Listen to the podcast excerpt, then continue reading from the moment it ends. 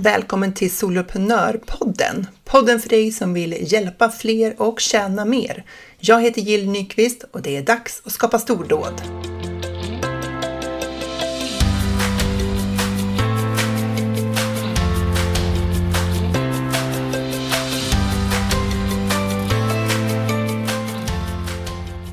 Över sommaren kommer du få förmånen att möta ett helt gäng av mina fantastiska medlemmar i Soloprenörerna. En del delar sina företagarresor, andra delar och bjuder på sin kunskap och det är en sån intervju som vi kickar igång den här äh, sommaren med. Du har säkert hört det där att när det blir för mycket för oss, när vi anstränger oss för mycket så handlar det mindre om själva ansträngningen och mer om bristen på återhämtning. Alltså vi får för lite vila mellan ansträngande perioder i livet oavsett Liksom, vad ansträngningen kommer sig av. Då. Och jag vet ju också, precis som du, att återhämtning är viktigt men det alltid känns lite diffust det här med återhämtning. Alltså vad, vad är det och hur vet jag att jag faktiskt återhämtar mig? Därför så blev jag så glad eh, med det här samtalet med en av mina medlemmar, Åsa Forsell, som har en konkret Eh, metod för återhämtning, eller hon kallar det för tallriksmodellen för återhämtning. Och det är sju områden som man kan liksom checka av om man får in, om man har det i sitt liv.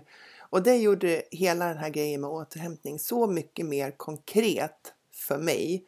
Och jag hoppas att du också kommer ha nytta av eh, mitt samtal här med Åsa Forsell. Och vill du läsa mer om henne och veta mer om vad hon hjälper till med så hittar du henne på Instagram på asaforsell.se och då är det med två S och två L, asaforsell.se på Instagram.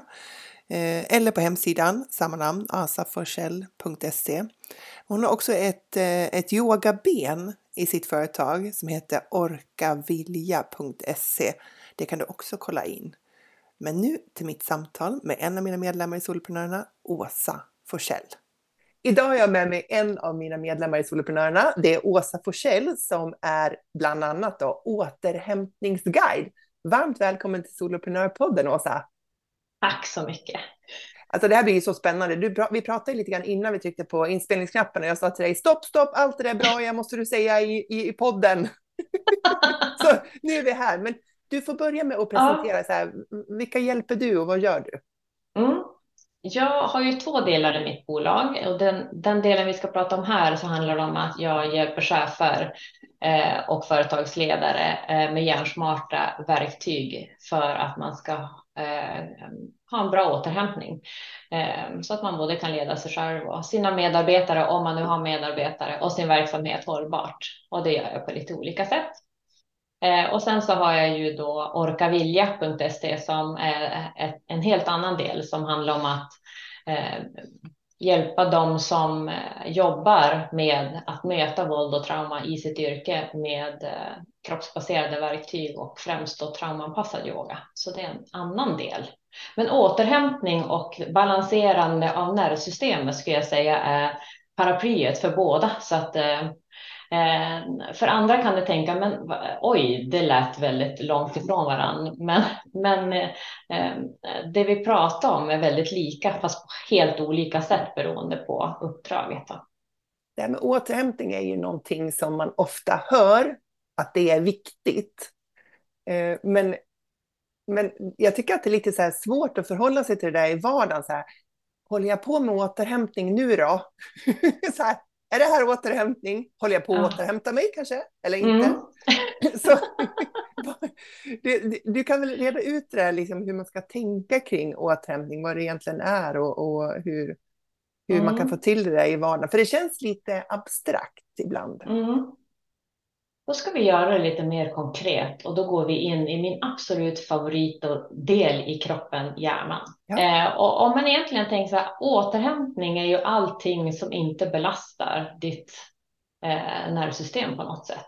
Alltså inte att du ska fatta några beslut eller du ska inte eh, aktivt göra någonting med den här hjärnan, utan den ska egentligen, återhämtning handlar om att du har backat tillbaka, den får liksom reflektera och vara lite mer i en vilo, ett viloläge där du är med personer du tycker om att vara med, som du kände trygg med, där du kände avslappnad i kroppen eller att du kände lite peppad. Det kan ju också vara det.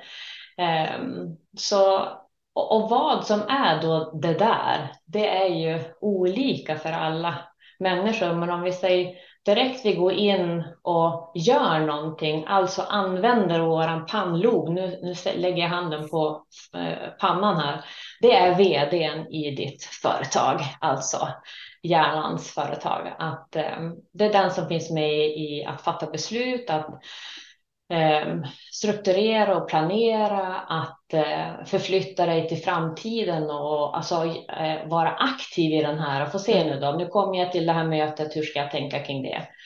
Eh, och det där som du beskriver, där mm. har vi ju väldigt mycket av när vi jobbar som företagare. Mm. Det med liksom planera, strukturera, förhålla sig mm. till det som kommer, mm. som kliva in i nya situationer när vi ska möta kunder och hjälpa till på olika sätt. Vi behöver vara väldigt fokuserade och vara väldigt närvarande. Och upplever man då, när man vänder sig till mig så upplever man sig oftast att man har fått någon sorts Eh, det är något som, som skaver kring eh, problemet med, man kan vara oroad för sin egen hälsa och har man anställda så kan det vara för andras hälsa också.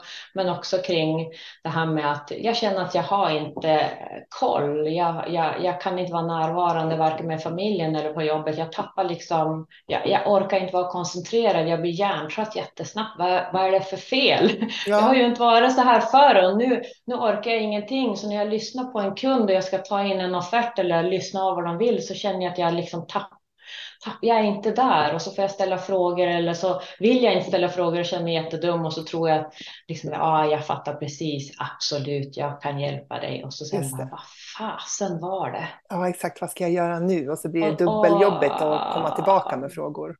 Ja, och då landar det i sin självkänsla och sin, liksom så här, ja, jag vill ju ändå vara professionell. Mm. Så att jag vill ju kanske inte ringa upp och fråga, du, vad var det egentligen vi pratade om? Um, så just att, att kunna vara närvarande då är ju en del i det hela.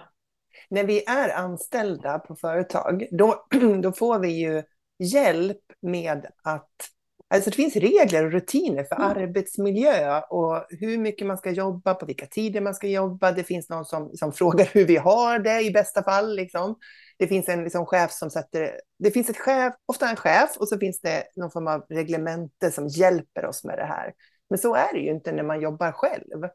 Mm.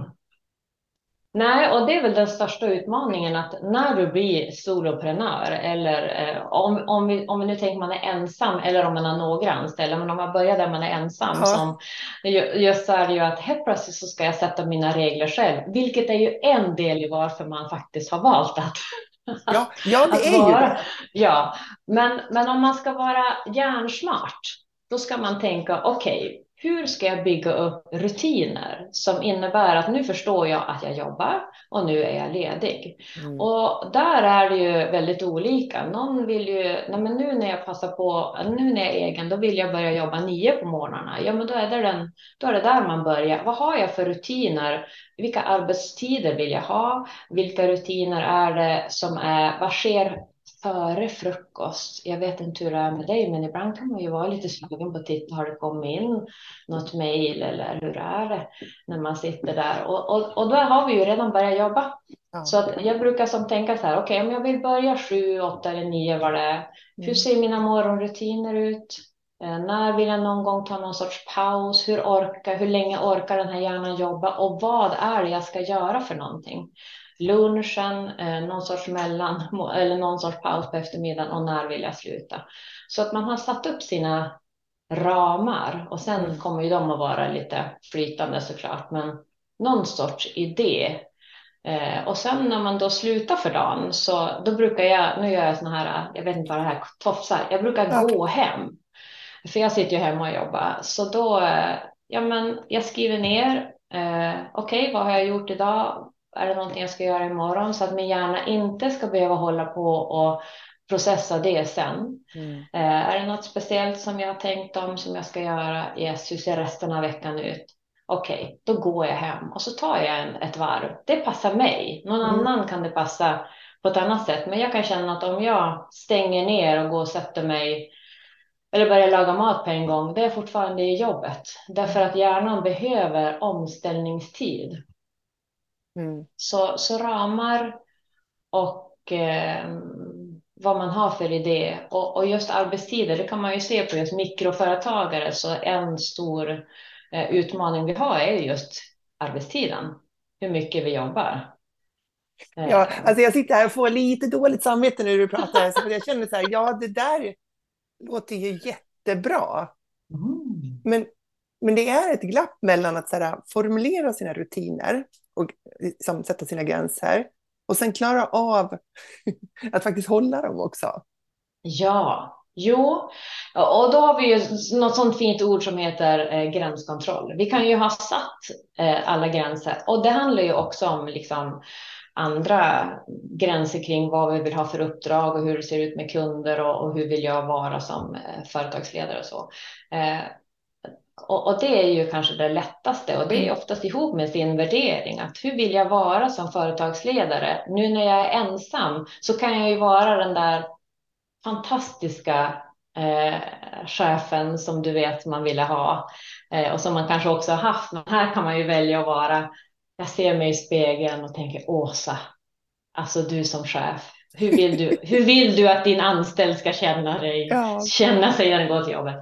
Eh, och då gäller det att kunna hålla sig till de gränserna och det är gränskontroll, att kunna kontrollera och det där är ju jättesvårt. Jag säger som många chefer eller företagsledare som jag möter som säger att ja, men jag vill inte kolla mejlen när jag har bestämt mig för att sluta. Jag vill inte göra det i pausen på en film eller eh, när barnen är hemma och så säger de åh, kan du kolla på det här och så springer de iväg och ska hämta någonting och så tänker man så här, gud, då kan jag tvärkolla det där.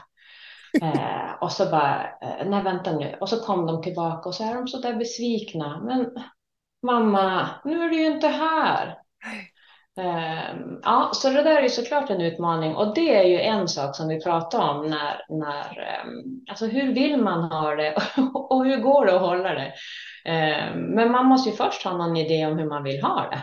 Ja, och det man måste bestämma det. det. först. Ja, man måste ju som ändå ha någon idé om vad det är och det kan jag också se nu när man jobbar med de som är inte har de här stora stödfunktionerna runt omkring sig så kan det ju man behöver faktiskt också ha kunskap kring ja, men hur bygga upp en bra arbetsmiljö då? Både fysiskt och, och mentalt för hjärnan. Jag gillar ju den där mentala delen då. Mm. Um, um, och socialt. Vi behöver stöd från andra. Vi behöver ingå i ett sammanhang. Det är ju därför det är så fantastiskt att vara med i soloprenörer eller andra företagsnätverk för att ensam är inte stark. Vi behöver få bolla. Mm. Ja, verkligen. Men varför, mm. varför är det så svårt att gå från det här med att jag vill, som du sa, jag vill inte kolla mejlen, men ändå gör jag det. Vad handlar mm. det om? Ja, men det kan handla om många saker, men det ena handlar ju om att hur är jag bekväm att sätta gränser överhuvudtaget?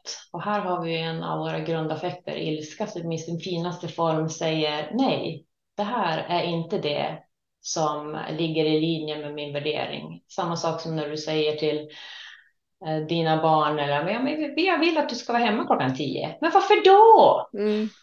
ja, därför att och så har man någon idé om det. Mm. Eh, så att, eh, att, att sätta gränser om man nu tänkt mot, mot andra så kan det också vara, det blir ett obehag om den andra, man kanske ändå tänker att den andra kanske inte tycker som jag. Det är risk här nu för att jag hamnar utanför för att jag ska stå upp för någonting. Mm, att det blir någon form av eh, konflikt eller liksom. Ja, precis. Och det kan ju låta ganska djupt när det handlar om att ja, men det handlar ju bara om mejlen. Mm.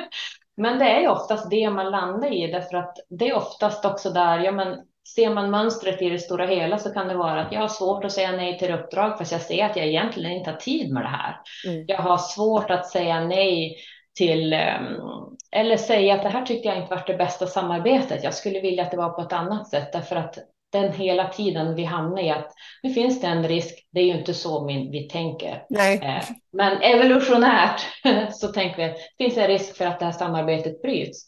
Och ibland är det ju faktiskt så att eh, det är så det ska vara. Mm. Därför att det här, den här samarbetspartnern inte är i linje med mitt. Det innebär inte att vi kanske blir ovänner eller så, utan vi upptäcker att ja, men vi tänker olika. Mm. Och i sin fina form är ju det ett resonemang med varma och vänliga ögon, både till sig själv och till andra. Och då har vi ju med den här självmedkänslan att det är otroligt svårt och utmanande att jobba som egenföretagare när man helt plötsligt ska, man ska både vara vd och ekonomichef och HR-specialist mm. och man ska kunna allting kring marknadsföring och allting. Och så helt plötsligt ska jag också kunna leda mig själv hållbart. Mm. Ehm, det är otroligt mycket saker som eh, man behöver ha koll på. Ja, det är otroligt mycket mm. lager av förmågor eh, inom så varje sånt här område har jättemånga nivåer av liksom, mm. så här, jag måste ha kunskap, jag måste ha förmåga att omsätta det i praktiken, jag ska leda mig själv. Och, så här, det, det är därför känns lite angeläget, tänker jag, att, eh, att inte liksom försöka jobba med att utveckla och förbättra allting samtidigt. Nej. För att, för att vi är, på något vis så känns det som att vi är i ständig utveckling i någon del av vårt företagande. Och det här är ju en del, att utveckla min förmåga att formulera en gräns och sen hålla den, både inför mig själv och någon annan. Och stå ut med det obehaget som jag föreställer mig eh, uppkommer då. Om jag till exempel säger nej till en kund eller att jag mm. Eh, obehaget som uppstår när jag kommer på att jag håller på att kolla mejlen men avstår. Mm, mm, mm. Jag har en klok tidigare kollega som eh, Lena Stenvall som har lärt mig väldigt mycket och hon lärde mig en eh, klok idé just det här med att hjälpa sig själv med, med gränssättning. Ja, nej, ja. Eh, om någon kommer och liksom vill, vad tror du, kan du ta det här uppdraget? Absolut, det skulle jag kunna göra.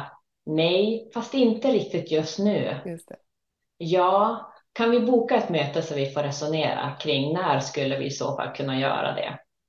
Ja, just det. Som en liten formel för att hjälpa sig själv ja. att inte bara svara på uppstuds.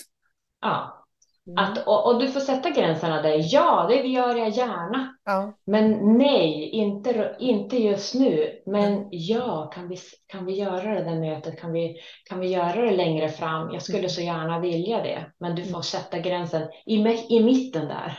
Ja, Ja, det var bra. Det ska jag ta med mig. Mm. Känner att jag mm. klart behöver öva på detta. Men du nämnde självmedkänsla. På vilket sätt kan det hjälpa oss då? Ja, jag vet inte hur det är med dig, men den här självkritiken, att vi skulle väl ändå kunna ha gjort det lite bättre. Klappa sig på kinderna. Kom igen nu. Eh, nej, men vi är ju väldigt självkritiska för det mesta. Och, eh, av de som jag möter så kan man se att man har en en, en, en tanke om att man ska klara allting. Och som chef och ledare och företagsledare så är man med i så otroligt svåra processer, både med sig själv och med andra och med, i gemenskap med, med, med företagsledning, tänker jag. Eh, så, så att verkligen kunna möta sig själv när det är tufft och svårt. När jag ser att nej, men det där vart inte bästa. Nej, men jag hade kunnat göra på ett annat sätt. Och, och den förmågan, jag brukar säga självkänsla och självförtroende, det har vi oftast koll på. Eh, mm. och självkänsla är ju det där, ja men, jag, ja men jag har en idé om att jag duger som jag är. Mm. Eh, och självförtroendet, ja men jag kan det här med webbinar, jag kan det här. Eller Prestation liksom. Ja. Prestationen mm. liksom, ja.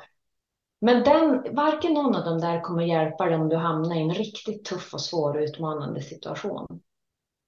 Utan då behöver du kunna möta dig själv med värme och omsorg. Mm. Okej, nu är det jag själv som behöver stöd och empatisk, eh, eller att bli mött med, med varma, vänliga ögon. Precis som när du gör till någon annan. Som säger att men det var väl klart, du visste ju inget annat. Du, du, du hade ju inte all information, eller men du gjorde så gott du kunde. Mm. Och, eh, det är både ögon, kroppsspråk och annat. Um, och kunna vända det där mot sig själv. Därför en del kan känna att men så snäll kan jag ju inte bli, då blir jag mesig. Alltså jag ska vara kraftfull. Mm. Yes. Eh, brukar det leda till, och har det lett hittills till att du mår och fungerar bra i svåra situationer? och, och, och, det kan kännas jättesvårt därför att man har haft förmågor eller använt sig av strategier där man mer har kritiserat sig själv. Mm. Och tänk att det är kritiken som gör att jag går framåt. Och det är det till viss del. Mm. Men då är det ju mer en öppen reflektion om jag tänker så här. Men Jill, hur gick det där sist med den där arbetsuppgiften som du gjorde eller webbinariet? Mm. Vad var, det du hade, vad var det som gick bra? Vad var det som var svårt och utmanande? Vad behövde du lära dig framåt? Det är ju mer en med, med omtanke om att mm. ja, men jag gjorde så gott jag kunde. Ja, det finns potential att göra det bättre. Mm. Vad bra, då gör du det nästa gång. Mm. Och tonen, eh, ögonen, kroppshållningen, eh, allting ska liksom hänga ihop. Och för en del blir det väldigt, väldigt svårt. Så då får man, man får övningar mig där man får träna på det. Mm. Eh, på ett väldigt ett sätt som eh, är anpassad utifrån den hjärnan då, var de är någonstans. Så det kan man se i forskning. Och jag kan säga jag som har jobbat med självmedkänsla så otroligt länge känner mig ju nu att härligt, nu börjar det komma att en, en del i att när chefer, om man tittar på organisationer i stort, liksom att hur ska man orka och vilja fortsätta i den här i det här uppdragen så är det, det är stöd från andra, eh, stöd från sig själv, det är det här förmågan att kunna sätta gränser och gränssättning och det är självmedkänsla. Mm. Det är känsla av sammanhang, att det är begripligt, hanterbart och meningsfullt. Och det är det man ska på, kunna påverka själv. För jag jobbar ju främst med det man kan påverka själv. Mm. Det man inte kan påverka behöver man ju som lämna, lämna till någon annan. Men de som jobbar som, som oss, som mm. småföretagare mm. eller mikroföretag, man säger som har under tio anställda, så, så påverkar man ju. Man får ju, man får ju bestämma ganska mycket själv. Mm.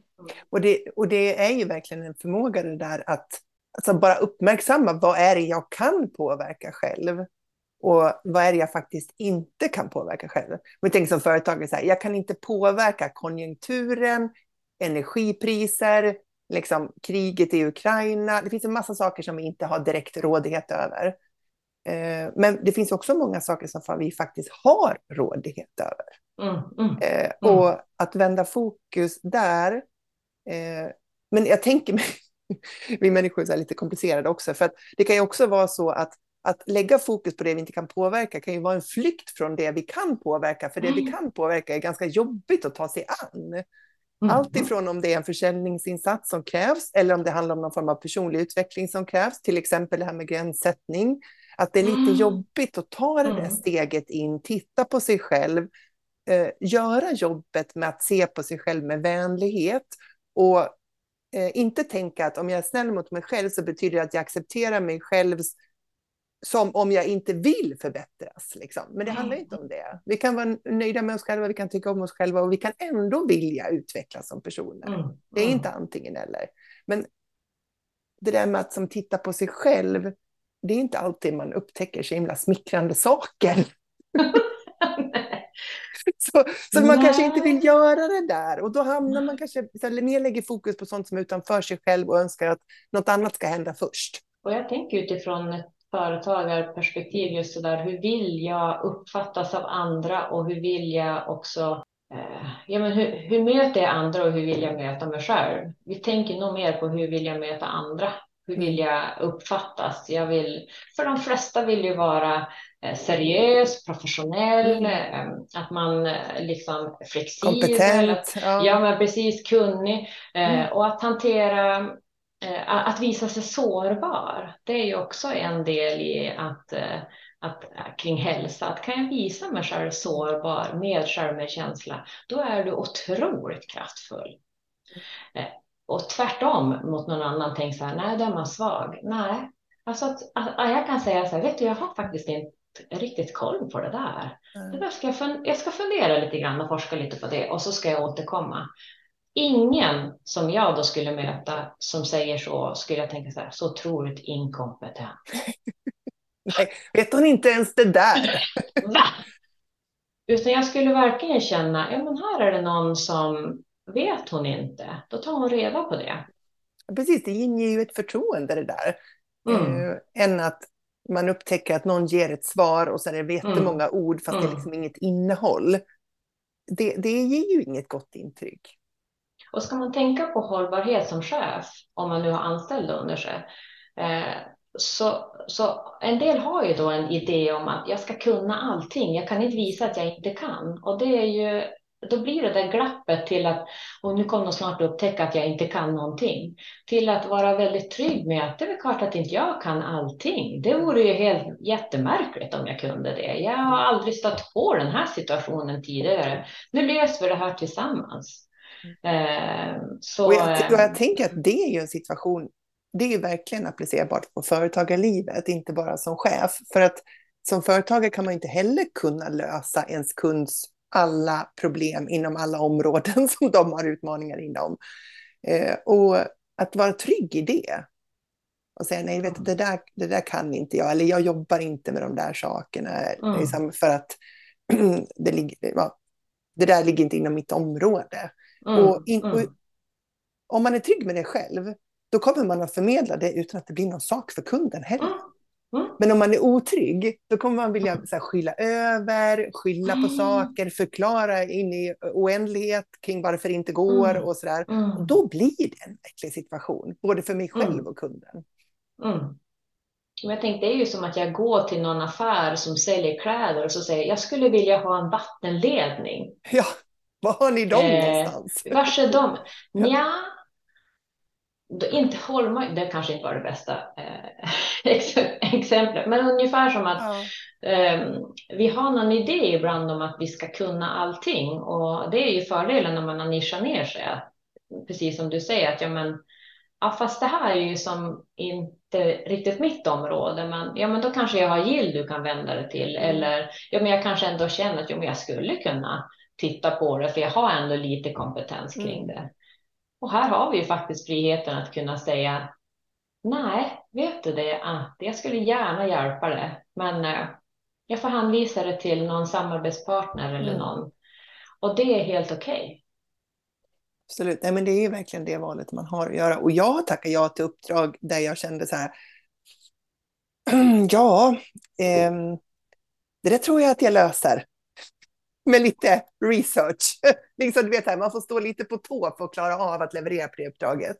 Men jag också tackar nej till uppdrag där jag känner så här, nej men jag vill inte ge mig in i det där. Det där är inte ett område som jag vill utveckla. Jag skulle förmodligen kunna lösa det, men jag vill inte. här, jag vill inte gå i den riktningen längre. Liksom. Så att, nej, jag, jag kan inte det. Och så, mm. som sagt, då har jag också eh, många gånger kunnat hänvisa vidare till någon person. Så här, Kolla med henne, jag tror att hon jobbar inom det här området. Och, sådär. Mm. Mm. och det känns ju ganska bra att, att liksom inte bara säga ja då, utan faktiskt tacka nej. Det känns lite mm. stärkande tycker jag. Men du nämnde, eh, när vi pratade innan här, just om det här med vikten av reflektionstid. Mm. Var, varför är det viktigt för återhämtning?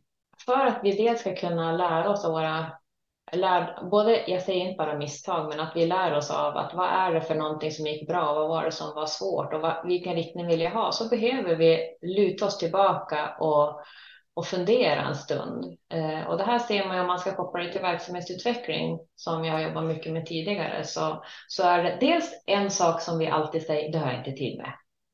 Eh, och när vi börjar göra det så gör det jättestor skillnad. Mm. Eh, att det, det, blir som en in och utcheckning kring eh, är jag på rätt väg? Eh, behöver ändra någonting? Jag ser det som en mini-verksamhetsutveckling varje gång som jag stannar upp ja.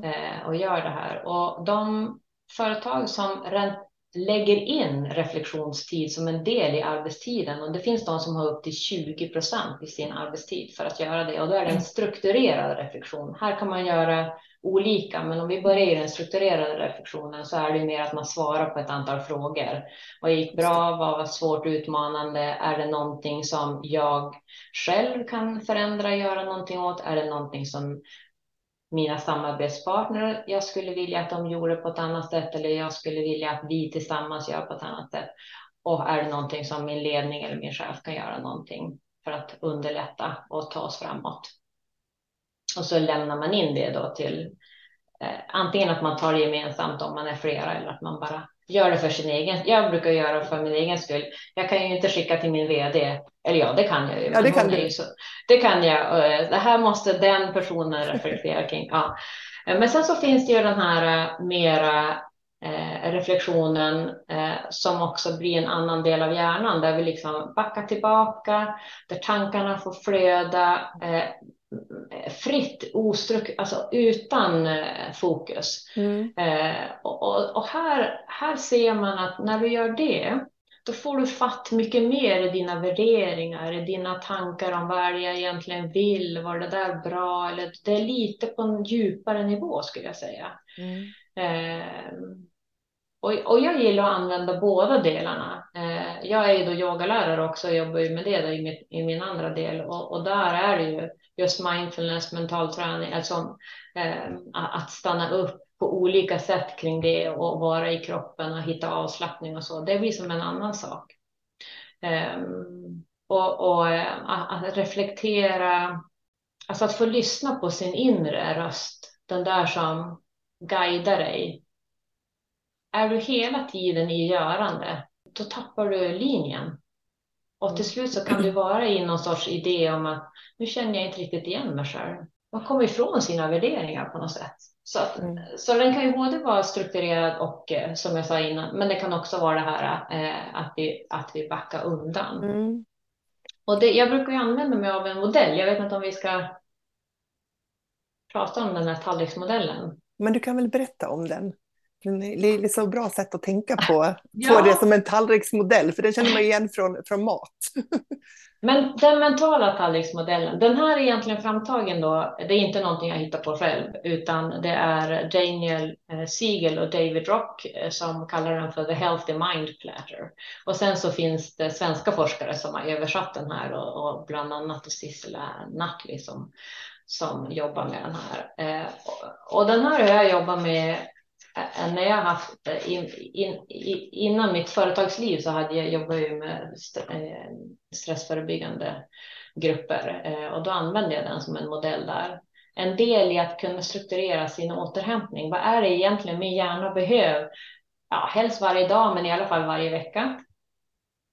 Och det ena är, det är sju områden. Det ena är fokustid. Den gillar ju att jobba fokuserat. Eh, och då, då kommer vi ju snabbt in till hur mycket vi brukar multitaska och tänka att vi gör många saker samtidigt. Eh, men att kunna att skapa en arbetsmiljö, om vi nu går tillbaka till våra vanor och rutiner, eh, hur kan jag skapa en, en, en, en, bra miljö för min hjärna utan distraktioner under en viss komprimerad tid? Det kanske inte är under alla mina arbetstimmar, men nu när jag ska göra den här förberedelsen som kräver fokus, alltså VD, Panlo, eh, då, då kanske jag använder mig av en modell där jag ställer en klocka på 25 minuter eller 45 minuter beroende på hur länge man har förmåga att hålla sin uppmärksamhet. Mm. Eh, och så jobbar man utifrån det. Det gillar våran hjärna. Så mm. det ena som man brukar prata om det är ju så hur kan vi strukturera upp din fokustid? Just det. Motsatsen till det är då hjärnvilan. För när vi har jobbat strukturerat och fokuserat, då behöver hjärnan vila. Och då har vi den här delen kring när tankarna flödar fritt. Är det nummer att... två i modellen? Ja, ja de, jag vet inte, de här är, eh, ja, vi säger nummer två, ja. hjärnvilan. Jag gillar att ha de här eh, i, efter varann eftersom att fokustid är där du bearbetar och fokuserar. Mm. Hjärnvilan är eh, tvärtom, när du utan att torka och utan att bearbeta någonting. De här två jobbar jag mest med och då brukar jag prata om hur skapar vi ett höj och sänkbart bord för din hjärna under en arbetsdag? Ja, just det. Det är en bra bild.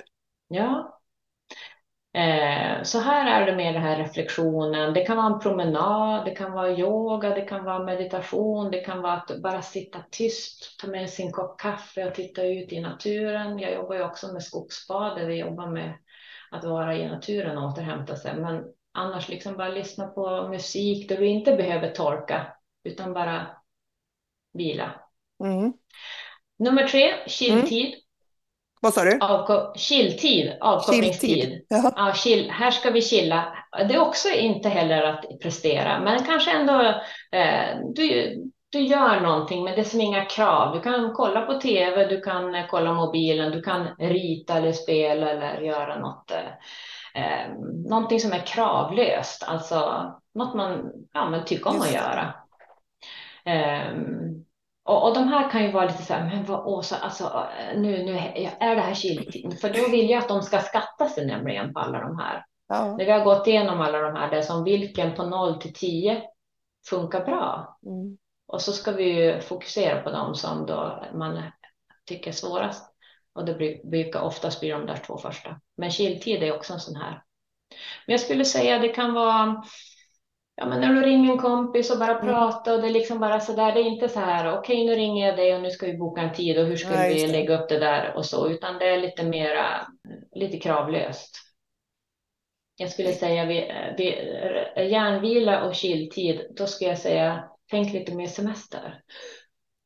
Semestermode på dem. Okej, okay, vilken är ja, nummer fyra? Ja. Eh, sömn. Sömn? Mm. Mm. Eh, vi behöver ju sova. Eh, och, eh, och sömnen är otroligt viktig för vår återhämtning. Och den är ju, jag jobbar ju inte med att hjälpa dem att sova så, men de kan få en övning för att slappna av på ett bättre sätt och att vi pratar om hur ser din sömn ut och ha den. Man kan väl säga så här, när jag jobbar med utmattning så och det säger all forskning också, sömnen är alltid det som ger indikationen först. När, när började du känna att du börjar sova på ett annat sätt än vad du brukar? För vad är bra sömn? Ja, det kan ju, det är ett, det är ett eget kapitel. Eh, men när du inte känner att jag orkar med de arbetsuppgifterna som jag ska göra på min arbetsdag, ja, men då är det så att din, en, en del räcker med sju timmar, en del måste ha nio. Mm. Eh, jag är, är ju klimakteriet, jag vaknar på nätterna och bara är vaken. Mm.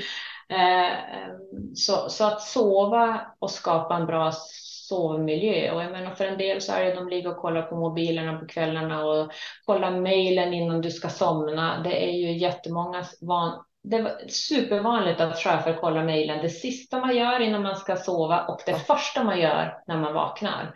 Mm. Och redan där kan det hända en massa saker i kroppen. Alltså om du läser ett mejl och känner, men vad är det här för någonting? Det blir svårt att somna. Ja, eller att du får ett uppdrag som du känner oro kring. Det är ja. lite lättare om det är så här bara, mm. Precis, men om det är så här, Åh! Okej, vad är nummer fem då? Yes, aktiviteter, alltså ha meningsfulla aktiviteter, att du gör någonting som du får energi av. Och här kan det ju faktiskt vara att man bidrar till andra, att man hjälper andra, eh, att, med någonting som känns meningsfullt. Men man kan också göra någonting tillsammans, lite lätt med att eh, vi kommer till motion så småningom, men man kan ju också gå och göra saker tillsammans med varandra. Ehm, men, men någonting som gör en glad, att man får någon sorts energi av det. Och det här är ju oftast sånt som vi stryker när vi har mycket att göra. Och sen kommer vi till motionen. Jag säger sex på den då, men det här är egentligen innan man kan börja någon annanstans också. Men motionen, att, eh, att röra oss är ju jätteviktigt. Dels så bildar vi nya hjärnceller, men vi får också stärka upp vår kropp och kondition och att vi skapar. Har vi, har vi, har vi god eh, har, vi mycket naturlig rörelse i jobbet? Jag vill inte säga träna, därför jag tänker att eh, det är rörelsen, den fysiska rörelsen som är den viktiga, den aktiviteten. Eh, så, så integrera hjärnan på ett annat sätt. Vi, om jag sitter och jobbar väldigt fokuserat på fokustid så kan ju en höj och sänkbar aktivitet, alltså tvärtom vara att ta den där promenaden runt kvarteret eller jag gillar att göra några jag tror en del att jag är galen då, men det är ju hur jag är min livsstil. Jag kan göra några armhävningar, några upphopp lite sådär och bara att liksom för att få igång kroppen lite grann. Jag jobbar ju också med träning så det är som det känns naturligt. Ja, det känns för mig helt naturligt. För någon annan blir det helt bara okej. Okay. Eh, men att, att eh, motion, man som ser så att, att få den här dagliga rörelsen. Eh, och sen så, så att i alla fall, man brukar ju prata om, nu har man kommit med lite nya siffror, men 30 minuter ish om dagen eh, för att överhuvudtaget ha igång våra normala, alltså att hjärtat ska funka, att cirkulationen ska funka, att lymfan och allting ska funka. Eh, Så, så det är ju det, det lägsta och då brukar jag ha som ett måttstock, ja men 30 minuter om dagen, det är den där promenaden runt. Och den mm. sista är relationer, goda mm. relationer. Ja. Ehm, relationer vi trivs i, som vi känner oss trygga i, att, ehm, ja, att få vara i ett sammanhang med människor där vi blir sedda och bekräftade utifrån den person som vi är, där vi bara får vara. Och det kan ju vara både på arbets, i arbetet och på fritiden såklart. Så ja. de sju brukar vi titta på och man får skatta då och se men hur ser det ut på det. Och det jag jobbar mest med det är ju då det här fokustid, hjärnvila och reflektion. Alltså på vilket sätt kan jag och sömn om man har problem kan man få övningar på det också. Men man får konkreta övningar som man får titta över och se. Jag tycker att det här är en eh. jättebra eh, checklista för sig själv. Jag tänker så här, de som lyssnar nu är ju för det mesta eh, jobbar själv i sitt företag och har ingen HR-avdelning som kommer och stöttar upp någonstans. Eh, och, och, bara som du säger, skatta liksom, så här, hur ligger jag till på fokustiden, hjärnvilan, chilltiden, sömnen, aktiviteterna och motion. Och är det någonting som, som släpar efter där?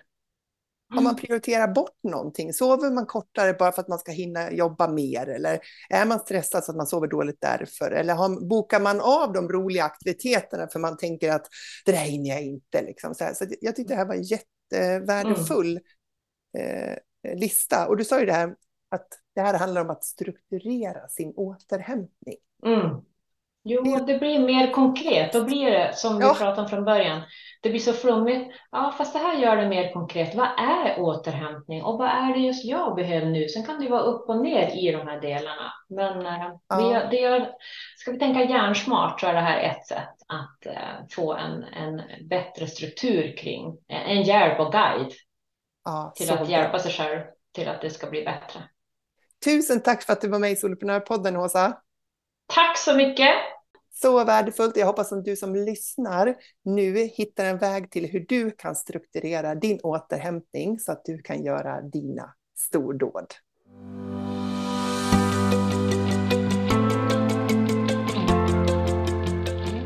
Stort tack för att du lyssnar på Soloprenörpodden. Jag är så glad att ha dig här. Du får jättegärna lämna mig en review på iTunes och ratea podden. Ge den fem stjärnor om du tycker att den är värd det, så hjälper du mig att sprida den till fler. Eller varför inte ta en skärmdump på det här avsnittet och tagga mig på en story på Instagram, solopreneur.nu.